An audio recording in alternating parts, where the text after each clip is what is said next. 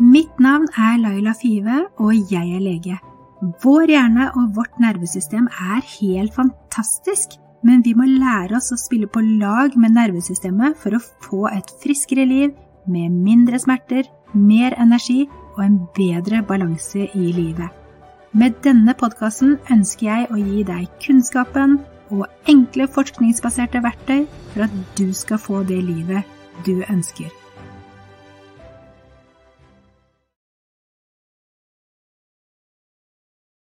Velkommen til årets første episode av Dr. Fives podkast.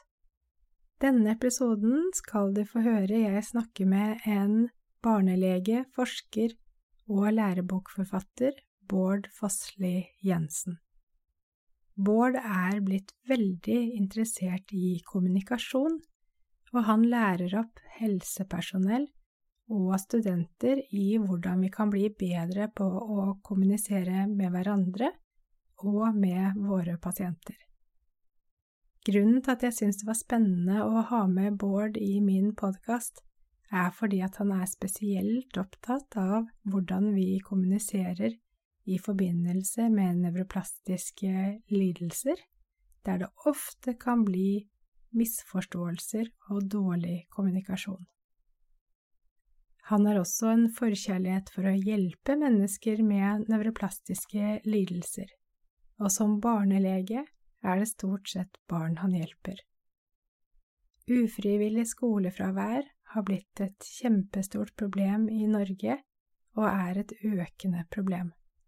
Når jeg var liten, så kjente vi knapt til begrepet. Jeg tror ikke jeg hørte det, og det var ikke vanlig at noen barn ble borte ifra skoleklassene mens i dag så er det nesten én i hver klasse som blir borte ved visse skoler. Årsakene til dette er utrolig mange, men det er jo at barn får også nevroplastiske lidelser, og det er altfor få i Norge som jobber med barn og nevroplastiske lidelser. Bård han har funnet en måte å gjøre det på han jobber nevroplastisk på en måte som kan ligne min til en viss grad, for han skaper trygghet for barnet og for personene rundt barnet, som kan hjelpe barnet å få en reduksjon i sin nervesystemaktivering, og kan få tilbake balansen i sin kropp. Og på den måten etter hvert kan bli friskere og friskere, og vende tilbake til sin skole og sine venner og sitt liv. Dette er et utrolig viktig felt, og jeg er glad for at det finnes mennesker som Bård som tar tak i disse tingene. Denne episoden ble dessverre litt raskt avsluttet fordi vi plutselig fant ut at Bård måtte gå, så vi får bare bære med litt med kvaliteten på podkasten. Ok, jeg håper du setter pris på denne episoden, og velkommen til et nytt år med Dr. Fives podkast. Velkommen til dagens episode av Dr. Fives podkast, og i dag har jeg med meg en uh, spennende gjest ved navn Bård Fossli Jensen. Velkommen, Bård. Hyggelig å være her. Ja, tusen takk for at du kom. Du er jo opprinnelig barnelege, men begynte på et eller annet tidspunkt å forske på kommunikasjon, og har også skrevet lærebok i kommunikasjon. Hva var det som gjorde at eh, du ble så interessert i dette med kommunikasjon? Ja, det er et godt spørsmål, for jeg kan love at jeg Det har ikke alltid vært sånn. Jeg eh, studerte på Universitetet i Oslo. Der hadde vi atferdsfag, som jo er klinisk kommunikasjon. Da, og til alle de forelesere jeg hadde der, så, så tror jeg jeg må komme med en uforbeholden unnskyldning. For jeg var ikke veldig verken engasjert eller positiv til det i det hele tatt. Så jeg tenkte egentlig at eh, er det noe jeg kan? Jeg har mye jeg skal øve på. Uh, du skal lære deg alle medisinske prosedyrer og anatomi og klinisk undersøkelse.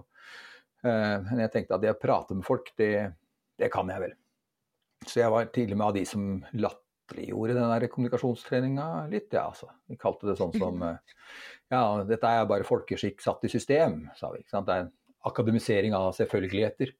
Mm. Så, så, sånn gikk jeg gjennom studiet og min ganske mange år som lege òg, egentlig.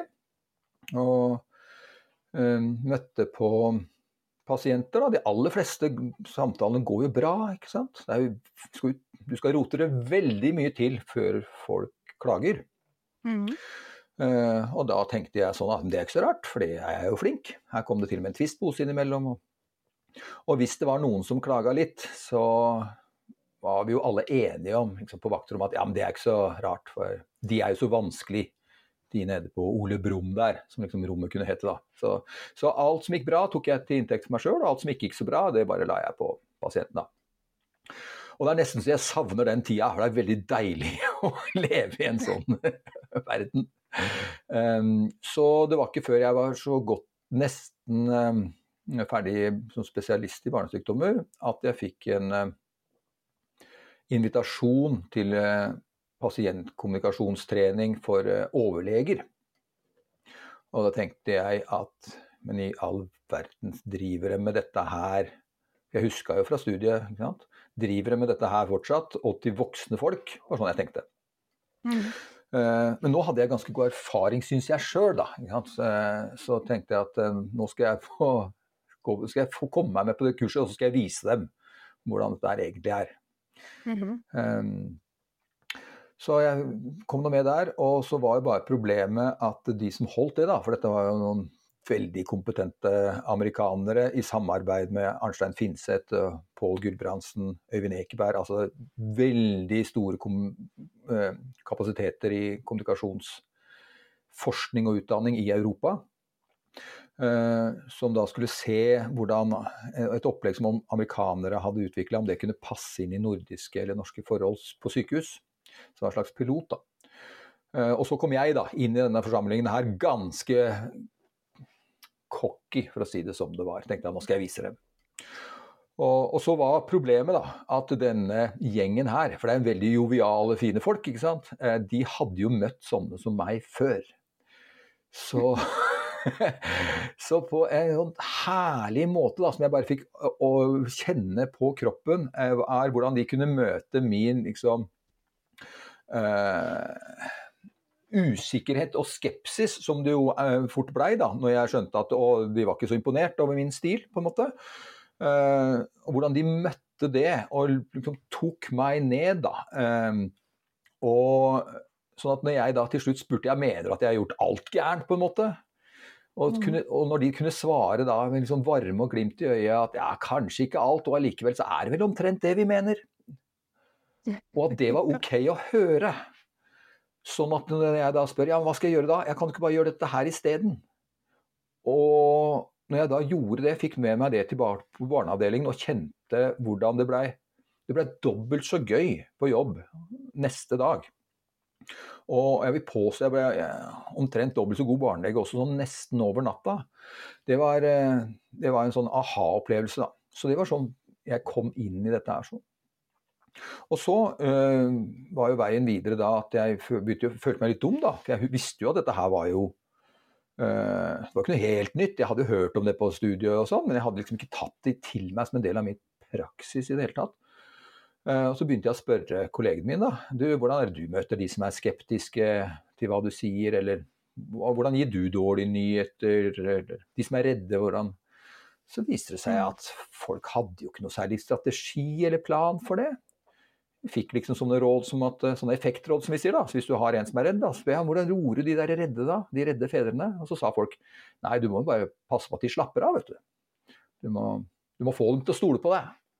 Ja, så Det er jo det, er det vi kaller effektmål. da, ja, det er, det er, det jeg prøver å få til, men jeg, jeg, jeg vet ikke hvordan jeg skal gjøre det.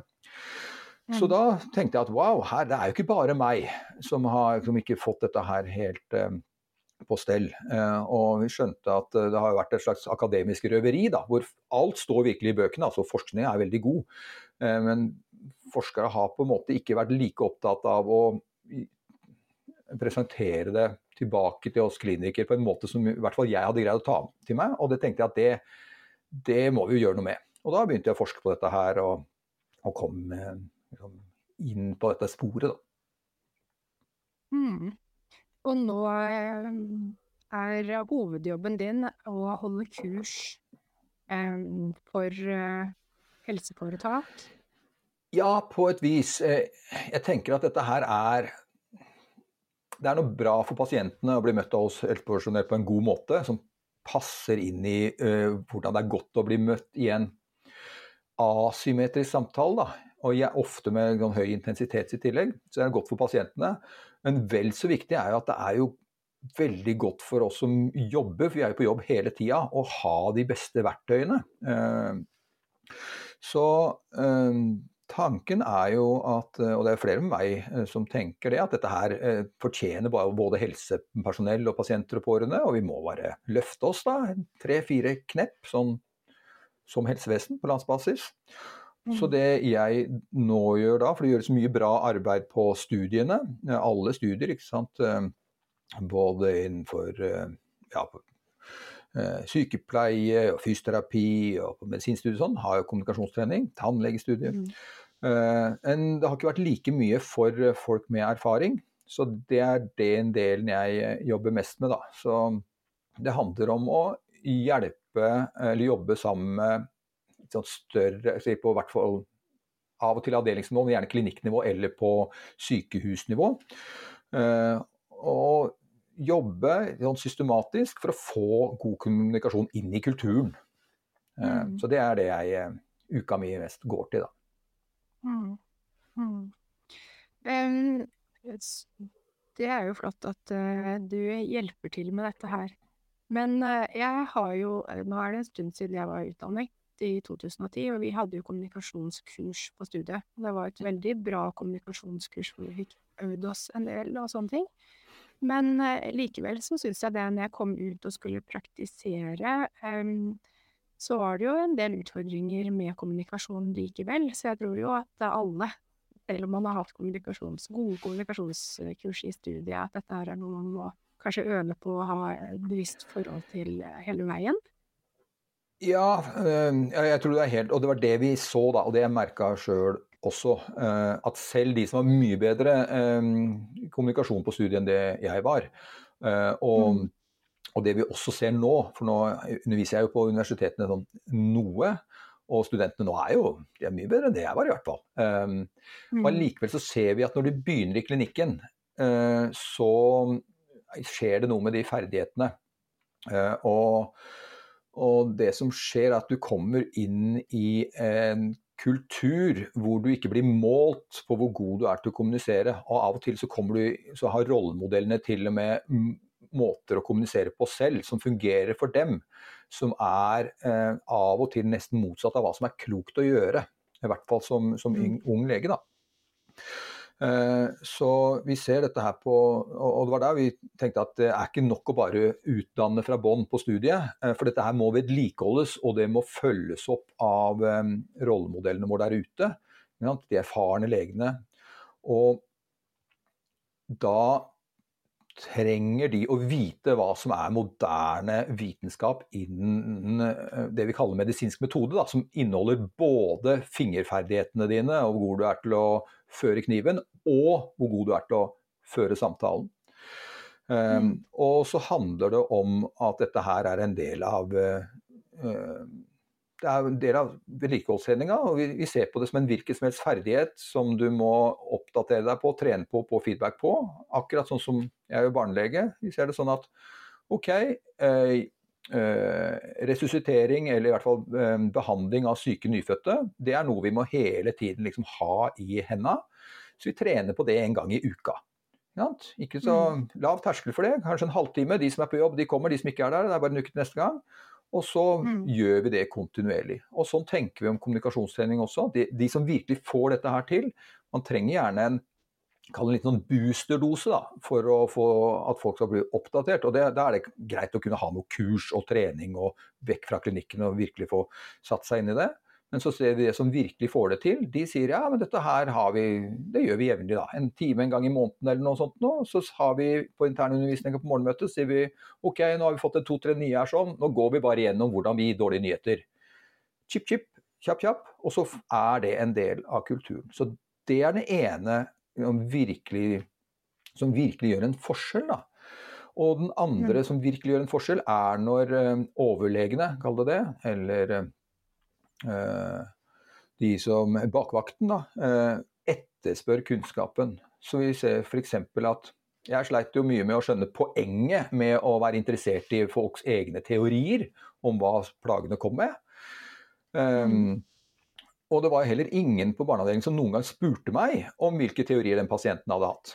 Men jeg var veldig god mm. til å pugge elektrolyttsvarene, og MR-svaret hadde jeg selvfølgelig, og anion gap, og jeg kunne svare på alle de tingene.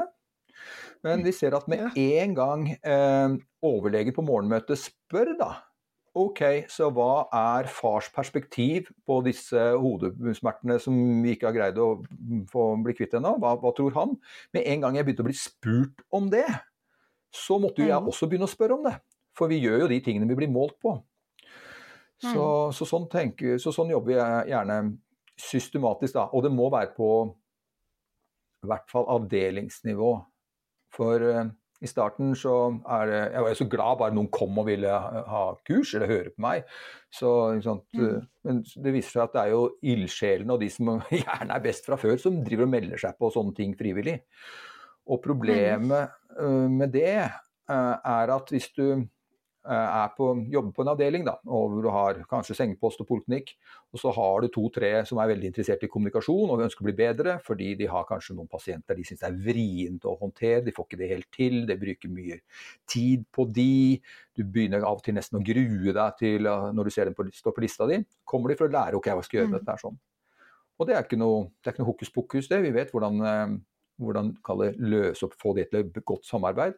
Men problemet da, er at hvis du bare har én eller to som gjør det, er at da blir jo de bedre. Og blir bedre og mm. bedre til å håndtere det. Og da vil de bare får et slags tilsig av uh, kall det vanskeligere og vanskeligere pasientcase av de andre kollegene. Av du som er så god, kan ikke du for de? Og da blir du allikevel liksom, litt sånn uh, kortpusta, fordi uh, vi trenger alle å virkelig føle oss flinke og være i full kontroll og ikke ha noen som helst trøbbel. Så det å bare mm. liksom trene sånn spottvis har jeg stoppa med, da. Så jeg får, får komme med komme med liksom, å gjøre det systematisk. Eh, og til, i hvert fall mm. tilby alle, for det gjelder aktivt si nei, da. Mm. Mm. Um, uh, du har jo hatt uh, kommunikasjon, uh, kommunikasjonskurs også i forbindelse med å kommunisere med personer med psykosomatiske lidelser, eller neuroplastiske lidelser som jeg kaller det. Mm. og det er jo en gruppe som ofte føler seg misforstått de føler seg uglesett, de føler seg um, de føler at legene ikke tror på dem, eller at legene ikke tar dem på alvor, eller at ikke de forstår dem, eller at de bare sier at det er psykisk, eller sånne ting. Kan du mm. fortelle litt om, om, om, på en måte hvordan man kan gjøre kommunikasjonen bedre for eh, pasienter eh, som har sånne type plager? Altså, hva, hva, er det vi gjør feil ofte, vi, vi leger? For legene mener jo ikke å øh, mener jo ikke å, på en måte peke på de eller si at de øh, på en måte at sykdommen deres ikke er ekte, eller altså man, Det er ikke det legen prøver å formidle. Man prøver jo sannsynligvis å få til et eller annet godt samarbeid, men så faller det så ofte gjennom. og hva er det som skjer egentlig? Ja, og det er et veldig godt spørsmål. Og, og jeg um, vrir jo tankene mine hver eneste dag jeg er på klinikken. Eh, hvordan få dette til, og hvor er det det går galt, og hvor har det gått galt tidligere. Så det er jo et stort spørsmål. Og det går jo galt fordi de jeg tror jo det, det, du fortalte der sånn, da, med at folk føler seg ikke liksom forstått og misforstått og nedsett, og, nedsett ned på uglesett og mistenkeliggjort. Og uh, at det blir psykologisert osv. Det er vel fordi det stemmer, tenker jeg. På et slags nivå, da. Mm. Um, og, og, da blir det vrient. Uh, og ja, vi har trening for dette, er sånn, og, tenker, og, det, og, det, kaller vi trening for viderekommende. Altså for helsepersonell med erfaring. Um, og vi hadde nylig en uh, sånn trening i, i Rosendal, um, kurset der sånn. Og jeg må jo si at Og det er mange, sant, nesten 40 leger med erfaring, god erfaring, og, og interessert i den type ting. Og det var mm. ingen av oss der som hadde noe fasit på det. Um, og det er vanskelig å finne liksom, i forskningen hvordan bygge dette her opp. Hvis du tar en vanlig uh, legekonsultasjon, da, si at du har en pasient som har fått vondt i et kne etter å ha mm. vært på ski og falt, eller har uh, fått veldig trykk i panna etter at jeg var forkjøla. Ja, så, mm. så, så, er jo veldig sånn, klassiske sånn, biomedisinske ting. da, Så er jo forskningen veldig tydelig på bare, dette må du bare kunne. Dette er sånn vi bygger opp en konsultasjon. Eh, mm. og så gjør vi det. Og Det kan du få liksom, på et A4-ark oppsummert. Og det er godt dokumentert at uh, gjør du det på mm. denne måten, så er det det blir mindre diskusjoner underveis, det blir lettere å holde tida, du har økt compliance, folk blir raskere bra. Uh, pasienttilfredsheten går opp. Det bare vet vi. Så det, det, kan du få nærmest som en oppskrift. Og så er problemet at du kan ikke bare komme med en oppskrift, du må ha trent den inn allikevel. Da. Men det er nå greit. Men når det kommer til uh, nevroplastiske lidelser eller psykosomatikk eller funksjonelle lidelser eller MUPS, hva man nå måtte ønske å kalle det. Kjært barn har ja. mange navn. Veldig mange navn, ja. ja. Så har ikke jeg funnet noen um, god måte, metodikk til å legge oppå det, sånn, um, som er like strukturert. Da. Så det betyr at uh, jeg gjør det Det jeg kommer til å si nå, uh, det er mm. litt mer sånn som jeg gjør det og har lagt meg til, så er mer, kanskje mer erfaringsbasert enn at jeg kan vise til artikler på, på et og alt. Mm. Og skal jeg være helt åpen på at um, det er ikke Når vi var og trente med disse legene, så var det en, eh, var det en barnelege, jeg får kalle ung barnelege, da. Han var erfaren, han var yngre enn meg, uh, som, kom, som, sa ja, men jeg likte ikke, jeg syns ikke det du sa var helt bra der, sånn. Uh, og, så jeg tenker at du ville bare gjøre den måten. Og det må jeg si, det hadde han helt rett i. Sånn at jeg justerer jo inn disse Jeg, jeg har ikke noe prestisje at det jeg skal fortelle nå er sånn det skal gjøres, altså. Men dette er noe som jeg har lagt meg til, da. Så hvis vi da liksom uh, Hvis vi jukser litt, da, som det heter, og tar vekk de tingene som må være på plass som fundament i kommunikasjonen for at det vi nå skal snakke om, skal fungere. Hvis det er greit, så kan vi gå rett på det, hva jeg legger til ekstra da, for de som har eh, nevroplastiske plager, hvis vi skal kalle det sånn. Mm. Mm. Eh, og det handler om uh, at uh, Hvis vi tar veldig kort grunnpakka, det, der må du kunne vise gjenkjennelse, altså at du vet hva pasienten kommer for, eller navnet. Du må presentere deg ordentlig, du må beklage venting uten å breie det ut, og du må kunne småprate litt, bare for at de senker skuldrene. Det syns alle er godt. Men så pleier jeg nå å si til de pasientene som kommer og kanskje har hatt en uh, hatt um, veldig, veldig vondt i eller vært utmatta, da. La oss ta utmatta, sliten, da. Mm. Uh, og hatt det i månedsvis, og vært hos legen mange ganger, vært på sykehuset, til og kanskje vært hos BUP en tur. Der sa de at det var ikke noe psykiatrisk, så de ble tilbake til sykehuset. Og nå de, er de fortsatt utmatta, og de har vært på skolen to ganger de siste tre månedene. Og, mm. så, så, det er ganske Ja, for å bare, for å bare presisere det, så jobber du med skolevegring, eller ufrivillig skolefravær, som det kalles nå. Ja, for det tror jeg ikke jeg nevnte. nei, nei, nei ja. Ja, for nok en gang kjært barn mange navn. ikke sant? Det er i hvert fall symptomet. Som, da, da, da, mm. går gjerne alarmen, i hvert fall når du begynner å bli borte fra skolen. Mm, eh, ikke sant? Mm. Så, uh, og i tillegg så er det, har de enten vondt eller har, er utmatta eller svimle, kvalme, har lammelser, stamming ja, det, denne verden er jo Det finnes jo like mange symptomer her som det finnes i den rent sånn somatiske verden. Mm. Så i tillegg til, da, at la beklage venting og litt grann smalltalk, eh, så, så, fort vi har satt oss, så pleier jeg å si uh, Og jeg sier det på den måten, da pleier jeg, ikke fordi at det er noen fasit i det hele tatt. Det er bare, for jeg klarer ikke å gå da rett på uh, mm. rett på å kalle det anamnesen eller uh, pasientperspektivet. Så da pleier jeg å si ok, eh, nå har jeg jo lest henvisningen, eller jeg snakket litt med foreldrene dine, eh, så jeg hører jo at du har eh, vært veldig veldig sliten og hatt en del vondt, og at du har jobba for å komme deg på skolen, har, men du får ikke vært med vennene dine og på og fotballen og på skolen sånn som du ønsker. Mm. Så siden jeg vet litt om, kanskje ikke om deg, men i hvert fall litt om hva du har vært igjennom, mm. så er det jo sånn at siden dette her skal være et uh, samarbeid, så må mm. det være litt balanse mellom oss. Og siden jeg vet vet litt om deg, så blir spørs første spørsmål nå Hva veit du om meg? Ja, det var spennende. Ja, og da blir jo folk litt rare, da. Ikke sant? For det har de ikke blitt spurt om mm. så ofte. Uh, og det tenker jeg er litt rart, da, når jeg skal liksom forvente lisensløst kunne spørre om de merkeligste, kanskje av og til skam, mest skambelagte ting til både pasienten og familien, og vite liksom mm. alt om dem. Uten at de mm. vet noen ting om meg, eller ikke engang vet om det er OK å spørre om meg. tenkte jeg, Det, det gjør, gjør, noe med balansen. da. Så jeg bare spør, da. Uh, og og ja, Det finnes to versjoner av det spørsmålet. Enten hva vet du om meg, eller hva ønsker du å vite om meg? Og Jeg vet ikke mm. hva som fungerer best. Men sier, jeg spør, hva vet du om meg? Det syns jeg fungerer ganske bra. For enten så sier de ja, du er, du er lege, er du ikke det? Det er omtrent på mm. det nivået de har forberedt seg. ikke sant? Og da kan jeg si ja, mm. det har du rett i, så du har forberedt deg da. Det liker jeg. Kan du gi dem litt anerkjennelse for det, da.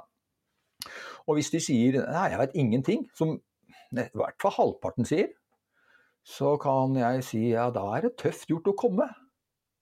Ja. Wow. Det krever sin mann eller kvinne. Mm. Mm. Så, så, hva ønsker du å vite? Så da går vi videre dit.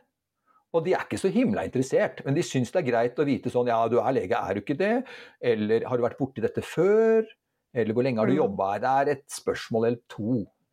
Så mm. jeg, jeg, tror kraften i det ligger at jeg i hvert fall stille gir dem muligheten. Mm. Så da begynner vi, så begynner vi der. Og nå blir jo dette her liksom litt en konsultasjon. Da. Jeg har ikke så mange spørsmål, men det, det blir litt forklaring på det. Så, øh, og det tenker jeg det hjelper. Det er ikke sånn at de nå stoler på meg fullt og helt, men det, det gir meg i hvert fall en sjanse til å gå videre, da.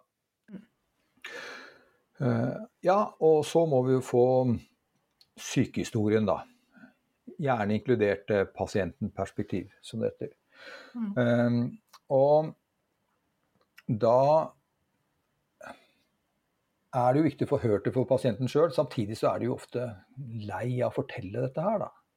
Mm. Så jeg pleier å si noe i retningen av eh, Ja, du har fortalt dette her til masse av oss helsepersonell nå opp igjennom, og samtidig så vil jeg jo gjerne høre det fra deg, da. Så det får mulighet til å sette meg så godt som mulig inn i hva det er du har vært igjennom. Så her kommer spørsmålet. Fortell meg alt du tenker er viktig at jeg veit. Du kan gjerne ta kortversjonen.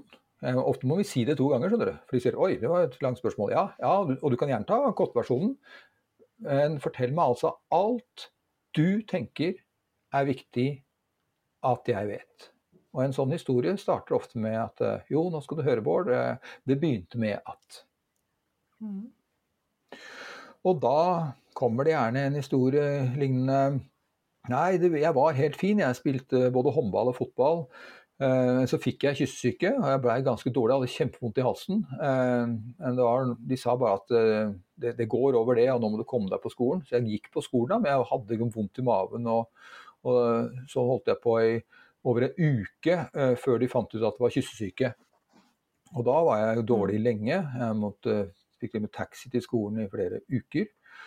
Uh, og siden så har jeg har jeg bare ikke har jeg vært helt utmatta, jeg har vondt i maven og jeg har vært i legen mange ganger og bytta fastlege to ganger. og På sykehuset sa de at det var ikke noe galt, og så var jeg på BUP, men de sa at det var ikke noe gærent med, med hodet mitt. Så Eh, så, nå, så jeg bare gått sånn. Og nå er jeg, jeg, vet jeg ikke om jeg kan komme inn på videregående engang, for jeg har så mye fravær. Og, og, det er jo to år siden jeg hadde den kyssesyken. Mm. Så selv om det kan høres ut som det kommer til å komme en veldig lang historie, for det har vært innom mange instanser, så når vi spør hva som er viktig for dem at jeg vet, mm. så blir det ofte mm. forbausende kort, altså. Mm. Ja. Uh, og da uh, Det er når folk forteller hva de har vært igjennom, at jeg tenker at det er lett å sette seg inn i hvordan det har vært å være dem.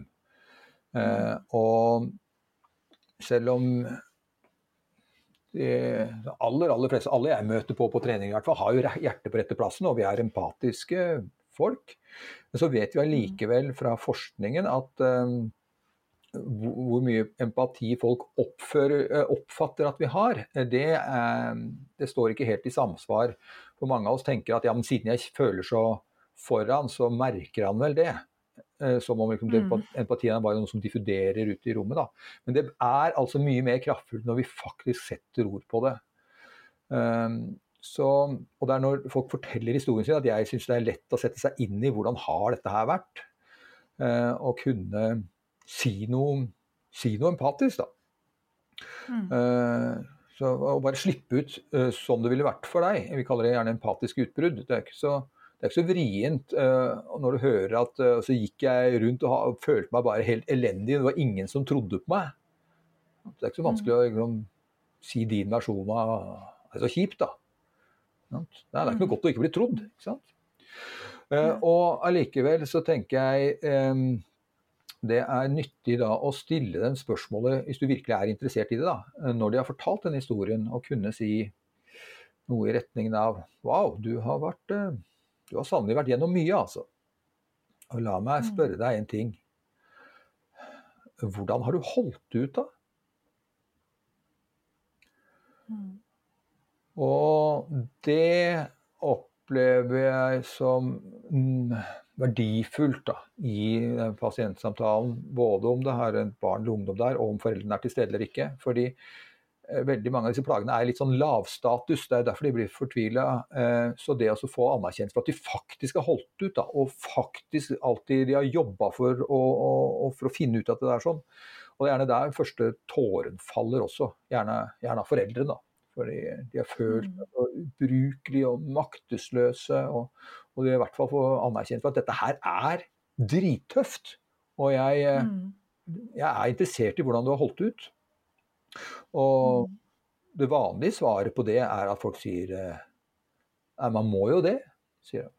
Mm. Mm. Og da tenker jeg det er greit å ha på repertoaret å kunne si Nei, du må jo ikke det. Det er ikke alle som holder ut. Og allikevel, det har du gjort, da. Så, og hvordan i all verden har du fått det til? Mm. Uh, og gjerne så vet vi ikke det heller, men da kan vi si at Nei, for grunnen til at jeg spør, da, er at uh, skal man komme ut av sånne ting som dette er sånn, så trenger man jo en del, kall det egne ressurser, da. Uh, og det høres ut som på meg som du har i hvert fall Du må jo være en veldig tålmodig type, som har jo gått gjennom alt det der. Og så må du jo klare å hente fram håp, da. Eh, selv om du ikke har merka noe bedring ennå, for du har jo gått i både han og henne og den, og nå er du til og med her. Så du må jo liksom klare å hente fram litt lys, selv om uh, det har, må ha vært blytungt. Så jeg tenker mm. det, det, må du ha i deg. Og, og så må du ha noen voldsom viljestyrke. For dette det krever sin mann eller kvinne å stå i dette her sånn. Mm. Og jeg tenker at min jobb er å se om jeg kan bidra med noe som du ikke e, enten har eller kan fra før. Og da tror jeg jeg kan si med en gang at når det gjelder viljestyrke, så har jeg ingenting å lære deg. Ja, dette har du stått i lenge, da. Det er bare det at å komme ut av sånne ting Det er, det er greit å ha viljestyrke eh, for korte ting. Eh, hvis du skal spurte eller liksom, tåle at det er vondt å, å eh, ta bandasjen, på en måte. Kan du bite denne sammen. Men det er, det er, en veldig ugunstig måte å leve livet på, da. For viljestyrke går tomt. Så hvis du er mm. interessert, så kan, jeg, kan vi se hvilke an, hva andre ting som kanskje, ikke, som kanskje trenger, de som trenger å treve på viljestyrke, og allikevel har holdt ut, hva er det de har gjort? Så kan, jeg, så kan vi bevege oss inn i den verden, da, hvis du er interessert. Mm. Noe i den gata der. Mm. Mm. mm. Så du får de med på laget, på en måte, så de får lov til å være en del av prosessen? Ja, det er målet. Ikke sant? Det er jo målet. da. Vi må jo være sammen om dette her sånn. Um, det er utrolig vanskelig det med ufrivillig skolefravær, hva? Ja. Det er jo ja, det er så mange som står og stanger hodet i veggen, og, um, og det er jo De sier jo at det er sånn ca. én i hver klasse nå, så det er jo et økende problem. Har du noen tanker om hvorfor, hvorfor dette her er så et økende problem? Uh, ja, jeg gjør jo ikke annet enn å tenke på det. Uh, for jeg merker det hver, eh, hver, eneste uke jeg på klinikken, så er jeg på, i kontakt eller på møte med en eller annen skole, og jeg hører det. Senest i går så mm. var ringte de fra en. Jeg, jeg hørte de og de har vært hos deg, og vi går i samme klasse. Så der er de to, da. Ja, mm. mm. I en klasse. Og det er mange grunner til det. Uh, selvfølgelig, alt dette er mangefasettert. Og allikevel én ting som jeg tenker eh, vi må tørre å si, da, er at vi kan se på Kall det skoledelen av det, akkurat sånn som vi ser på uh, fritidsaktivitetene eller familien eller jobben for voksne. Når folk får en funksjonell plage, så er det en del av det.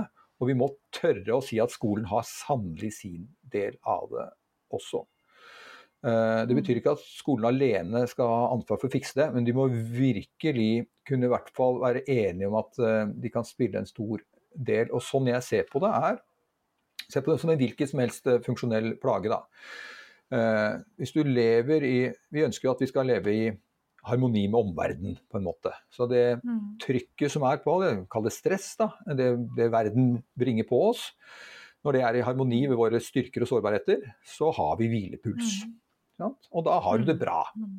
Selv om det er farer, du kan være fare bak en busk, så kan du liksom, hvis du er en eh, gaselle da, på, på gresslettene, så eh, kan du ha hvilepuls når du går og gresser. Selv om du vet at det er fare mm. der, for ressursene dine sier at hvis den dukker opp, så kan jeg løpe, da. Så du kan ha hvilepuls mm. selv om det er farer i verden. Da har vi det bra. Og sånn ønsker vi at det skal være for alle, inkludert ungene våre. Og så er det noe sånn at hvis det trykket er for stort, Eh, så, bruk, så er det Da kaller vi det stress. ikke sant? Da må vi bruke ressurser på å stå i det. Ha litt høyere puls. Og mm. det klarer vi å stå i det, de fleste av oss, ganske lenge. Og de som kommer til meg, de har jo stått i det i årevis. Det er gjerne de mest viljesterke. De har stått i det så lenge at de, til slutt så må kroppen bare si fra. Og det er helt utenfor viljens mm. kontroll. Men til slutt så blir det det. Og da blir de syke. Og da går man Kall det ned for telling, da. Selvfølgelig går det ned for telling, for har du, har du kyssesyke på toppen, så det jo, blir det jo dårlig. Så det er ikke så rart. Mm. Men det som er rart, syns alle, er at når da kyssesyken skulle vært over, eller mageinfluensaen, eller coviden, for ikke å snakke om, skulle vært over, mm. så blir det jo litt bedre, men så blir de ikke helt bra igjen. Det er det folk syns er mm. veldig rart. da. Og da tenker jeg at det må jo være det viruset som sitter igjen i kroppen, Mm. Mens eh, vi tenker noe mer på det som at nei, det er nok hele kroppen som reflektorisk skjermer seg fra å komme tilbake i det stressnivået som ikke var bra for deg i utgangspunktet. Som du klarte mm, å holde gjennom med viljestyrke, men nå har den på en måte brent seg, og den reflektorisk motsetter seg å komme tilbake dit igjen. Og jeg tenker mm. rundt dette her sånn at skolen før covid Uh, fungerte greit. Ikke optimalt, men greit nok. Og for foreldre og ungdommer har masse ressurser, så de klarer å gå på skolen, nesten alle sammen. Selv om det ikke er optimalt, da. Selv om uh, sant, testsituasjonen kanskje ikke er den aller beste vi skulle ønske, selv om det ikke er en like stor bevissthet rundt grunnleggende psykologisk behov vi alle har osv.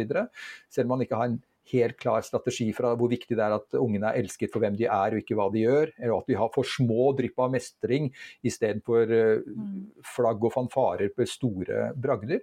Kanskje var, var, Det var ikke helt på topp, men, men det gikk bra. Så fikk vi covid, og alle skulle hjem.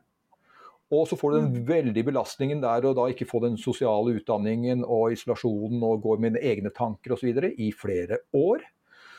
Eh, sånn at når man nå skal tilbake igjen, så vegrer kroppen seg for å gå tilbake til det som ikke var optimalt før covid heller. Det er min uh, teori rundt det der. Og det gjør at uh, Og den gode nyheten da, er at da er det lett å gjøre endringer også på skolen for å gjøre det lettere å komme tilbake igjen. Vi må i hvert fall være med på at det handler ikke om at det er ungene det er noe gærent med, eller familien, eller Nei, det handler om at det er dynamikken i det. Og vi vet hvor, hva vi skal gjøre for å komme ut av det. Vi skal bare uh, Vi må toppe laget og være på vårt beste og virkelig skjønne at nå, akkurat nå så trenger vi skole som er på 100 da. Mm, mm. Altså, eh, sånn at eh, du har jo en eh, poliklinikk hvor du er sånn cirka, eller ikke en poliklinikk, men en egen praksis hvor du er ca. én dag i uken, og du hjelper da eh, de med ufrivillig skolefravær å komme tilbake til skolen, og da samarbeider du med det, både foreldre og skolen, eh, sånn som jeg forstår det. Og når man gjør det på den måten som du eh, er vant til, og jobber på den måten som eh, du bruker, ser du da gode resultater? Klarer folk å komme tilbake til, eh, til skolen, eller, eller eh, For dette, jeg har jo jobbet som skolelege også, og jeg opplevde at mm. det var utrolig altså det, Alle ville så mye, ikke sant. Foreldrene ville mye. Barna forsto ikke hva som skjedde, skolen ville mye, det var ansvarsgruppemøter på ansvarsgruppemøter, men det hjalp jo ikke. Man kom jo ikke noe vei. Nei. Så hva, hva, er det du, hva er det du, for det første, hva er det du gjør som er annerledes, og får du resultater av det når man gjør det på den måten som du gjør det? Ja, når, når jeg får det til, kall det det, så er det fordi at vi får det til, at alle rundt får det til. Da er det teamarbeid, eh, og det er mange utfordringer med det. Eh, og det aller, aller enkleste er jo selvfølgelig, som alltid, da, å forebygge da er det jo lett. Mm. ikke sant? Hvis du kommer inn tidlig. Og spør, folk spør ja, når skal vi komme inn tidlig, hva betyr det? Jo, med en gang de er begynt å falle ut av gymtimene, så tar vi tak. Mm. Og kommuner som gjør mm. dette her bra, de har et opplegg for det. Der, der vet lærerne på, Dette har jeg fått fra fysioterapeuten som jeg jobba mye sammen med, som heter Aurora Helletvang, som er på Nesodden mm. nå, tror jeg. Der har vi bare innført det at med en gang ungene har begynt å falle fra, vært borte fra gymtimen tre ganger, rett til kommunens fysioterapeut. Mm. Da, da, tar vi det på mm. alvor. Da er det jo, ok, for da vet vi nå må vi gjøre noen justeringer her. Da er det jo lett.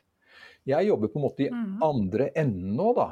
Etter at du, alle har gjort alt de kan. Du har kanskje vært innlagt på en institusjon. Eh, du har kanskje til og med vært på Rikshospitalet eller sykehuset ditt eh, på psykosomatisk avdeling. Eh, og, og da blir jo folk bedre. Utfordringen blir at når du da mm. skal komme hjem igjen, så faller de mellom mange stoler.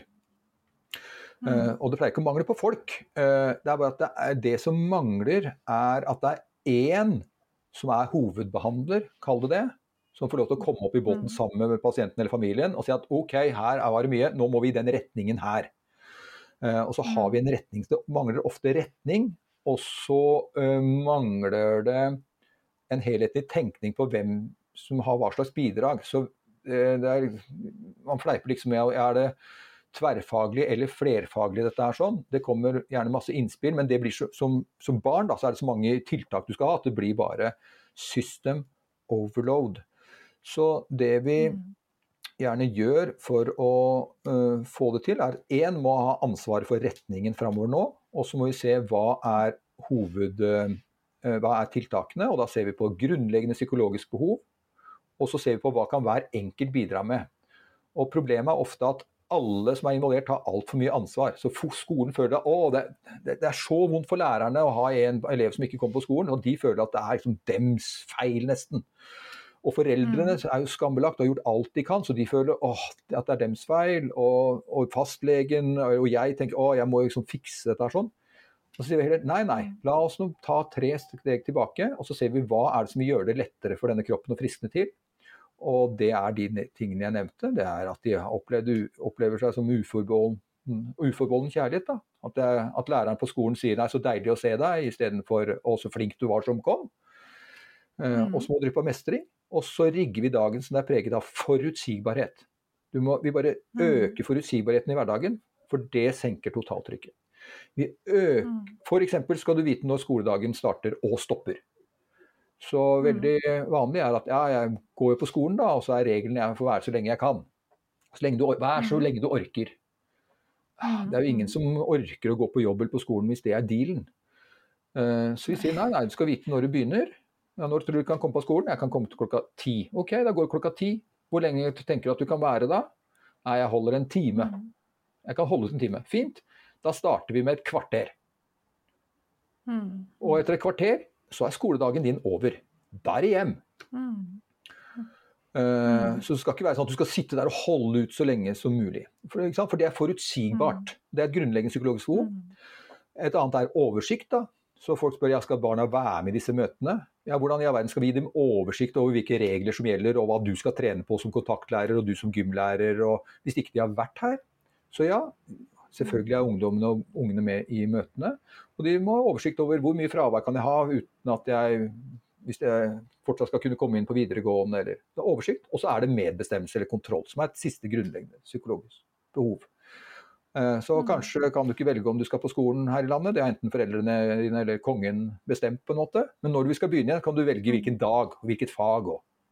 Jeg er ikke så opptatt av eh, det i det hele tatt. Jeg er ganske sikker på at skal du lære noe på skolen, så må du være der først. Så nå starter vi med å være Mm. på skolen. Og når vi får satt dette her i system, og alle får høre at å ja, så det eneste jeg trenger å gjøre som lærer akkurat nå, det er å bare hente fram empatien min og vise hvor glad jeg blir når du faktisk dukker opp. Så jeg, å, jeg var så spent på om du kom i dag. Og å rigge Mm. timen for at det skal være to-tre mestringsøyeblikk som de klarer å liksom kunne klappe seg sjøl på skulderen i smug. da. Som sier ja, jeg fikk til det der lille sty regnestykket der. Som ikke er å få premie for at du vet hvor mye klokka er, for det er folk helt sånn allergiske mot. At å, de får liksom skryt bare for Nei, det må være små drypp av mestring. Og så skal de bare øke forutsigbarheten. F.eks. du kommer da, du skal hjem da. Uansett hvor gøy du har det i kunst og håndverk, så er det hjem nå. Hvis du vil være lenger for å høre med han legen din, om, han, om du kan få være lenger neste uke. Forutsigbarhet i det. Forutsigbarhet relasjonelt. Altså at hvis du får vondt i hodet på skolen, da, så må du ha en avtale med læreren din. Hvordan skal jeg si fra? Skal du liksom sette vannflaska di på pulten, eller skal du rekke opp hånda? Eller? Eh, Og, læreren da spør hva er det for noe, og du sier du, da har jeg så vondt i hodet. Så må, vi, må du vite hva kommer læreren til å si da. Må ha en slags relasjonell forutsigbarhet. Det vil si at, og det er ikke så vrient, det, det viktigste er egentlig at de stopper med det som er det vanligste. Og nesten alle ungdommene spør, når jeg spør dem, hva sier læreren din hvis du sier det er vondt i hodet? Da sier de ja, men kan du ikke prøve litt til, da? Det er det vanligste Mm. svaret. Som er det siste du trenger å høre når du har sittet der og prøvd så lenge du overhodet kunne. For du vet hvor skuffa Mm. alle blir når du nå ikke da er frisk i dag heller. Mm. Så det å bare Mm. være enige om at du får et annet svar enn det, f.eks. så bra du sier fra. Ja, det er akkurat som vi har avtalt. Takk skal du ha. Mm. Eh, og nå har vi en plan. Og så gjør du ikke A, B eller C, litt avhengig av hva vi har avtalt på forhånd skal skje hvis du får problemer på skolen. Og det er ikke så nøye hva de planene er, så lenge den planen ikke er Å, da ringer vi mamma eller pappa. Det kan ikke være plan A. Mm. Eh, Men utover det. Så når, når lærerne og uh, helsesykepleier og jeg fører at ja, vi, det er ikke så himla mye vi skal gjøre her, og, og det er ingens an, hovedansvar, men du bidrar medisinsk sett til å eh, redusere stressnivå når du gjør dette her sånn, så, så Mm. kommer vi på rett kurs da. Og da blir ikke disse ungene bedre. Altså, da blir de bra de gangene de får det til. Og i motsatt for, Mm. eh, det er derfor jeg, jeg ser, blir så fortvila over det, at de gangene vi ikke får det til, ja, så, så bærer jo rett mot ung ufør. vet du. Det er det det gjør. Mm. Er liksom Ja, da må de komme til meg når det blir eh, vipper Ja, rett alder. For det, det, det er jo mye av dette her som jeg driver med. Eh, å Mm. skape forutsigbarhet og det med pacing på en måte. Og ta litt og litt. Ja. Og trygge nervesystemet hele veien. Em, OK, men uh, tusen hjertelig takk for at du stilte, Bård. Jeg vet du har dårlig tid i dag. Jeg skulle gjerne snakket med deg mye, mye lenger. Men uh, takk eh, for at du kom i denne runden, i hvert fall. Det var moro å være her, altså. Takk for invitasjonen. Ja. OK, ha det godt.